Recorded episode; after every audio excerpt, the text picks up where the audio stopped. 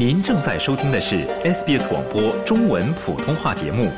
更多节目内容，请浏览 sbs 点 com 点 au 闲斜杠 mandarin，或下载应用程序 SBS Radio App。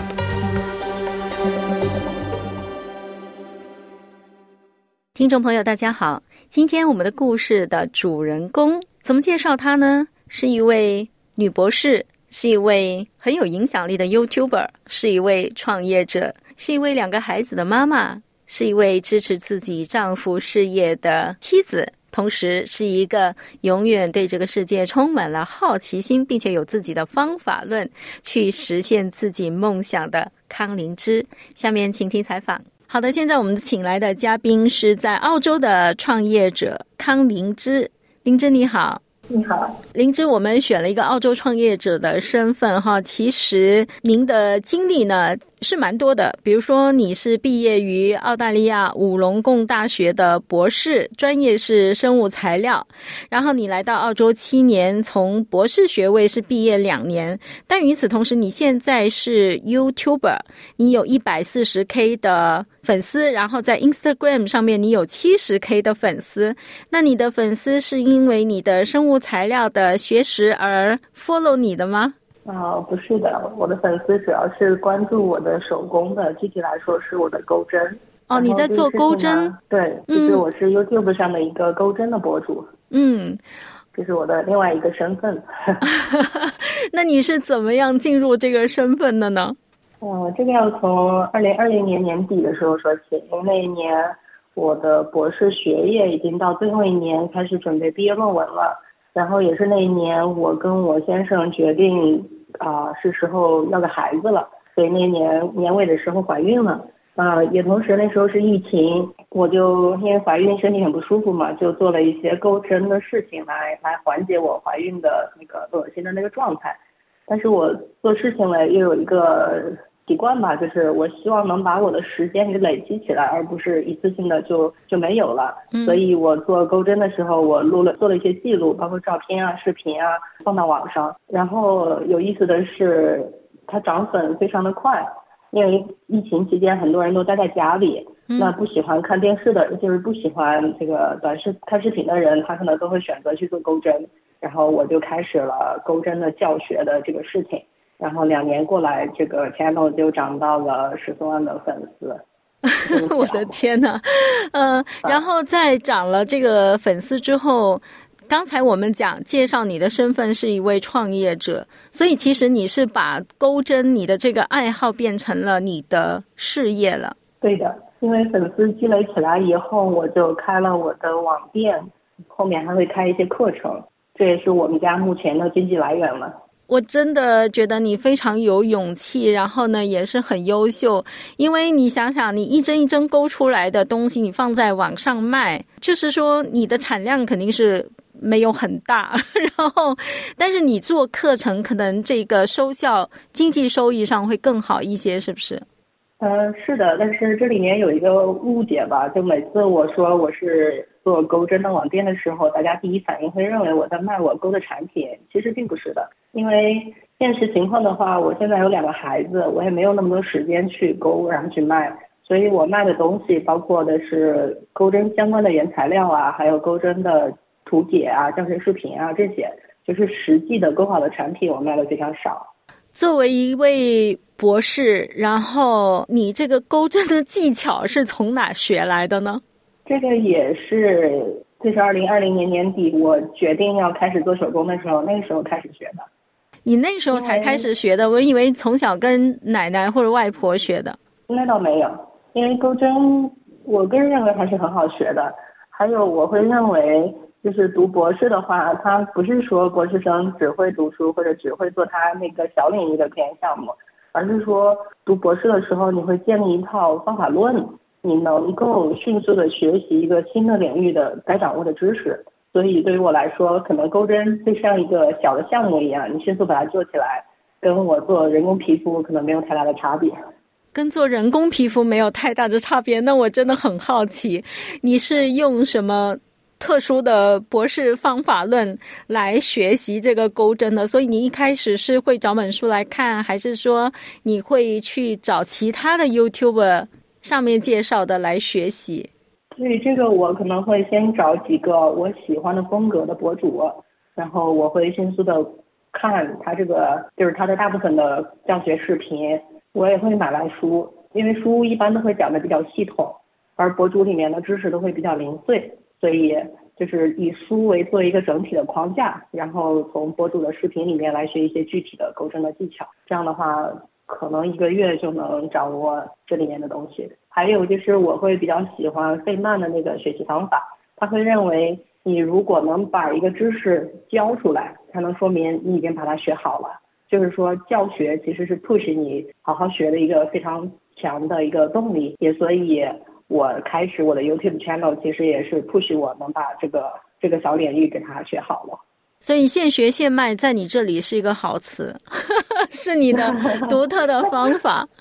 但是我还是想知道，因为像你说的，你也是跟其他你喜欢的几个博主学习的，所以这个在你开始的时候，它并不是独一无二的。呃，但是你说它的涨粉很快，是你觉得是因为你？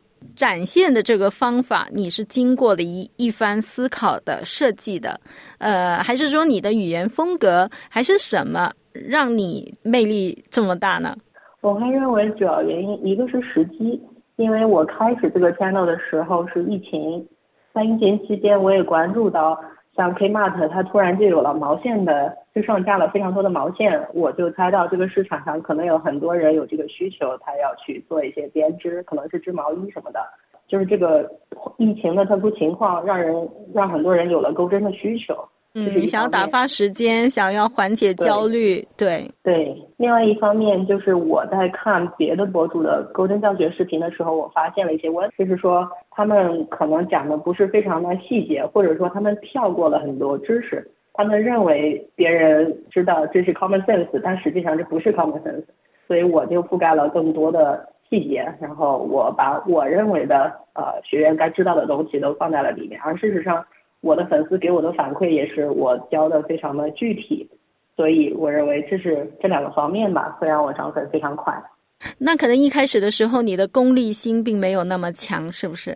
对，另外一方面我会认为，呃，沟通这个领域我有一些方面我能做的比别人好，就是我发现了这这几个方面，然后我把这些给做的就具体的做出来了。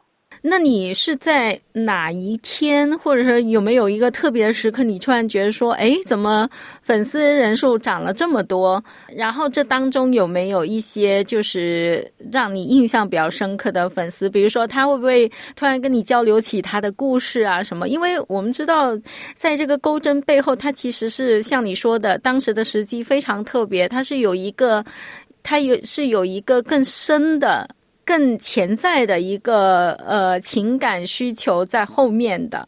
我 ins 上经常会有粉丝来给我反馈，就是会觉得我的视频让他们觉得非常的 peaceful，呃，我的设计啊，他们也非常喜欢，就是这方面我会经常拿到反馈。所以就是他们都会是比较年轻的，还是说年龄比较大的？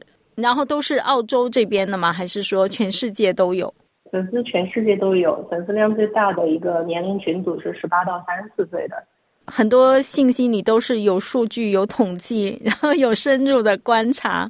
对，我想这也是我涨粉快的另外一个原因，就是我会关注我的后台数据，我发了哪一个视频，它的表现好，或者说我在选题的时候，我会用一些工具来选哪些是一些春，就是 popular 的那个受欢迎、感兴趣的。嗯，对。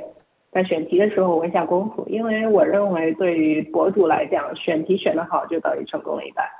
那你是什么时候开始就是有盈利的呢？有盈利应该是在这个频道开始一年左右。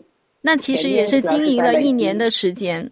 对，在频道开始一年左右之后，为什么突然就开始有盈利了呢？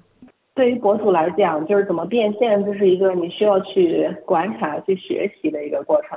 像前面粉丝慢慢积累的过程中，其实我也不知道我可以卖什么，我应该怎么去变现，而是说一年之后，慢慢的粉丝给我的反馈会比较多，他会希望我去开课，希望我去能从我这里买到什么东西。我这些数据收集的比较多，就是一年的话够我收集这些数据了。然后一年之后我就比较清楚我应该怎么变现，然后就可以变现了。所以就开门红了是吗？嗯。比如说，你推出课程，你是会提前做一个广告，说多久之后我会推这个课程，然后大家来买我的课程，是不是？会有一套营销方法，就是短视频啊，或者图图片啊，以及在我 YouTube 里面也会也会提，就是不同的时间段来提及这个事情。嗯，那这套方法是你自己摸索的，还是说，比如说 YouTube 它本来就有提供一种这样的商业模式？呃，YouTube 它是有广告变现的这种商业模式。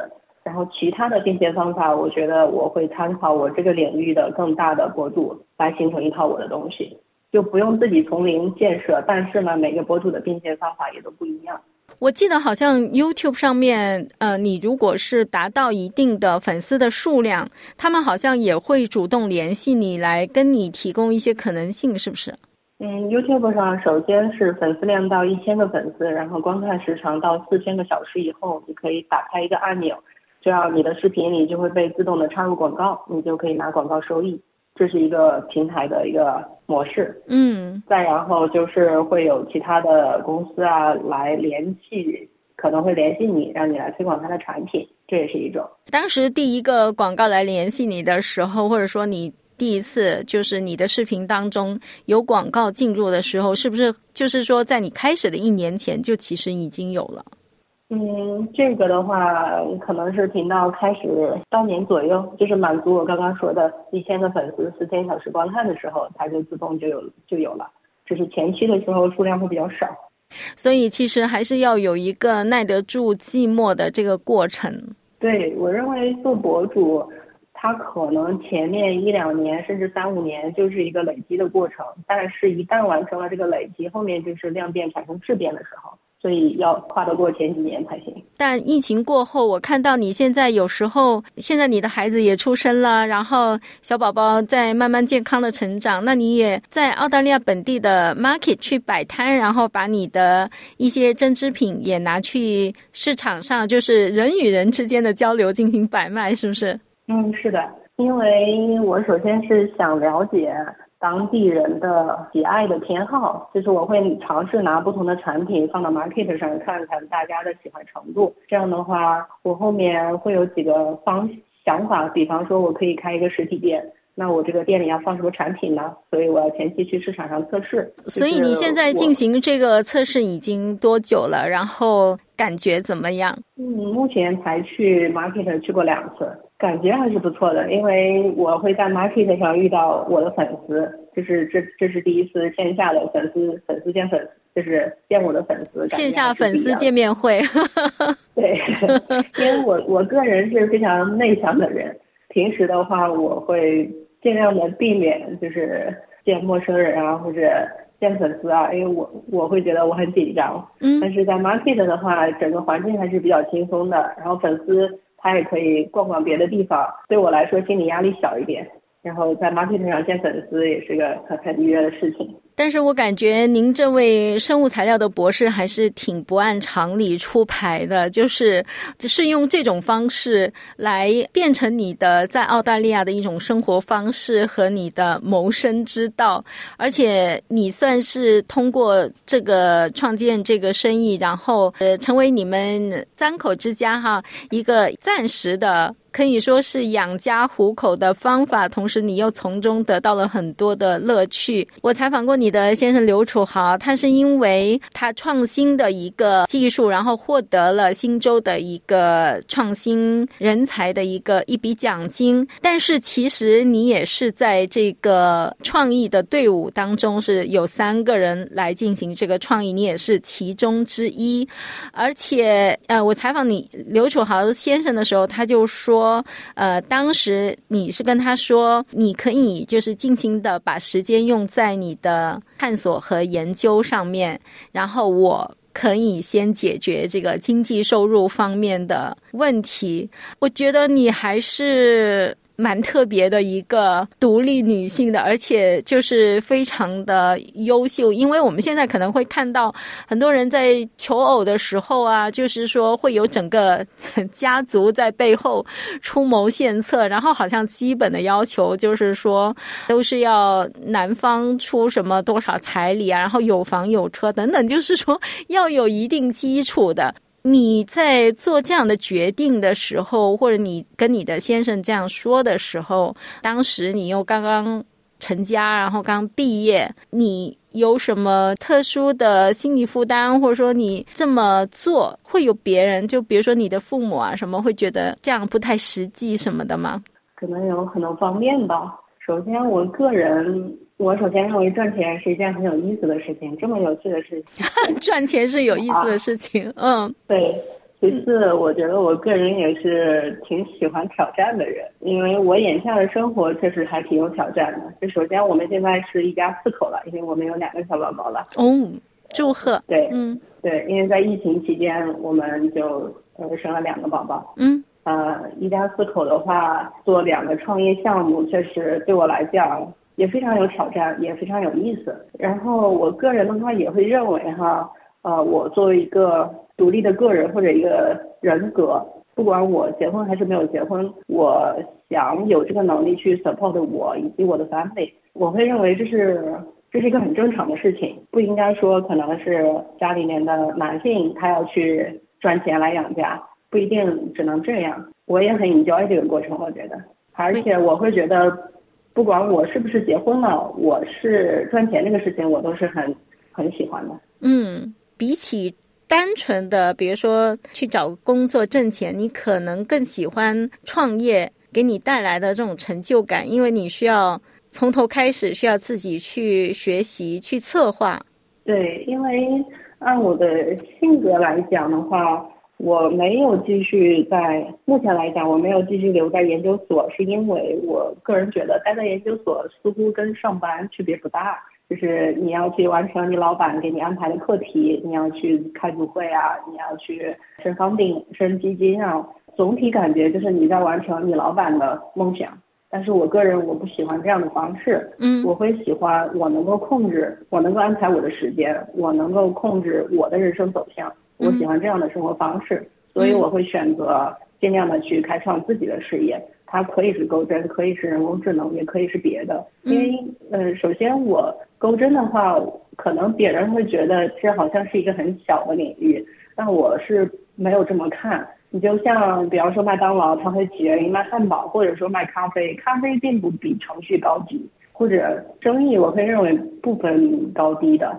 在我眼里，钩针它可以做的很大。嗯，所以我会把它当一个创业项目去看，然后它前期会给我带来经济收入，后面它会产创造一些影响，可能会鼓舞更多的女性啊，可能会给别的女性带来一个引导一些思索吧，比方说女性如何平衡家庭和事业啊，我希望我能在这方面能够探索出来自己的一条路，能够给给别人一些启发。所以你喜欢的生活方式。像你现在，你既喜欢挑战，但是你又喜欢平和的这种家庭生活。你说你的性格又是属于比较内向的。你现在的钩针生意，你已经是有一个目标，就是想开实体店，所以你又在进行一些新的探索。你有没有一个比较清晰的图画，就是说你满足现在的这种生活方式吗？呃，比如说你对你。两个孩子马上要到来的这个教育问题啊，等等，你有什么勾画吗？还是说你是顺其自然过好自己的生活？是未来还是有很多挑战的，尤其是小孩的教育方面，我也是新手父母，没有任何没有任何经验。但是我会认为，父母对孩子的教育言传身教比较重要，就相比于只是简单的讲理论的话。我可能会希望我的孩子以后他们能能比较独立，能有自己的想法，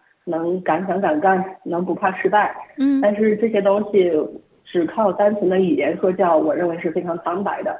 但是如果我个人就是这么一个个人，他们每天跟着我耳濡目染，就是他们看着我怎么创业，怎么去面对失败的，怎么面对成功的。我会认为这是更更直接的教育方法。嗯，对，因为很多华人似乎有一种迷思，就是比较喜欢让自己的孩子能够上私立学校或者精英学校。然后你夫妇俩又都是博士，虽然你的丈夫是选择了中间退出了这个博士学位，但是他可能后面还会继续去完成。会不会想要说，那我的孩子不管怎么说，将来至少也要是一个。什么什么学位？哦，我可能会更尊重他们自己的想法。就是如果他们喜欢喜欢大学啊，或者读博士啊，喜欢科研，当然不错，他们可以选这个方向。如果他们不喜欢，那么就我很 OK，让他们选他们自己的方向。而且对于博士读博士这个事情的话，我会觉得，就社会上似乎有一些偏见吧，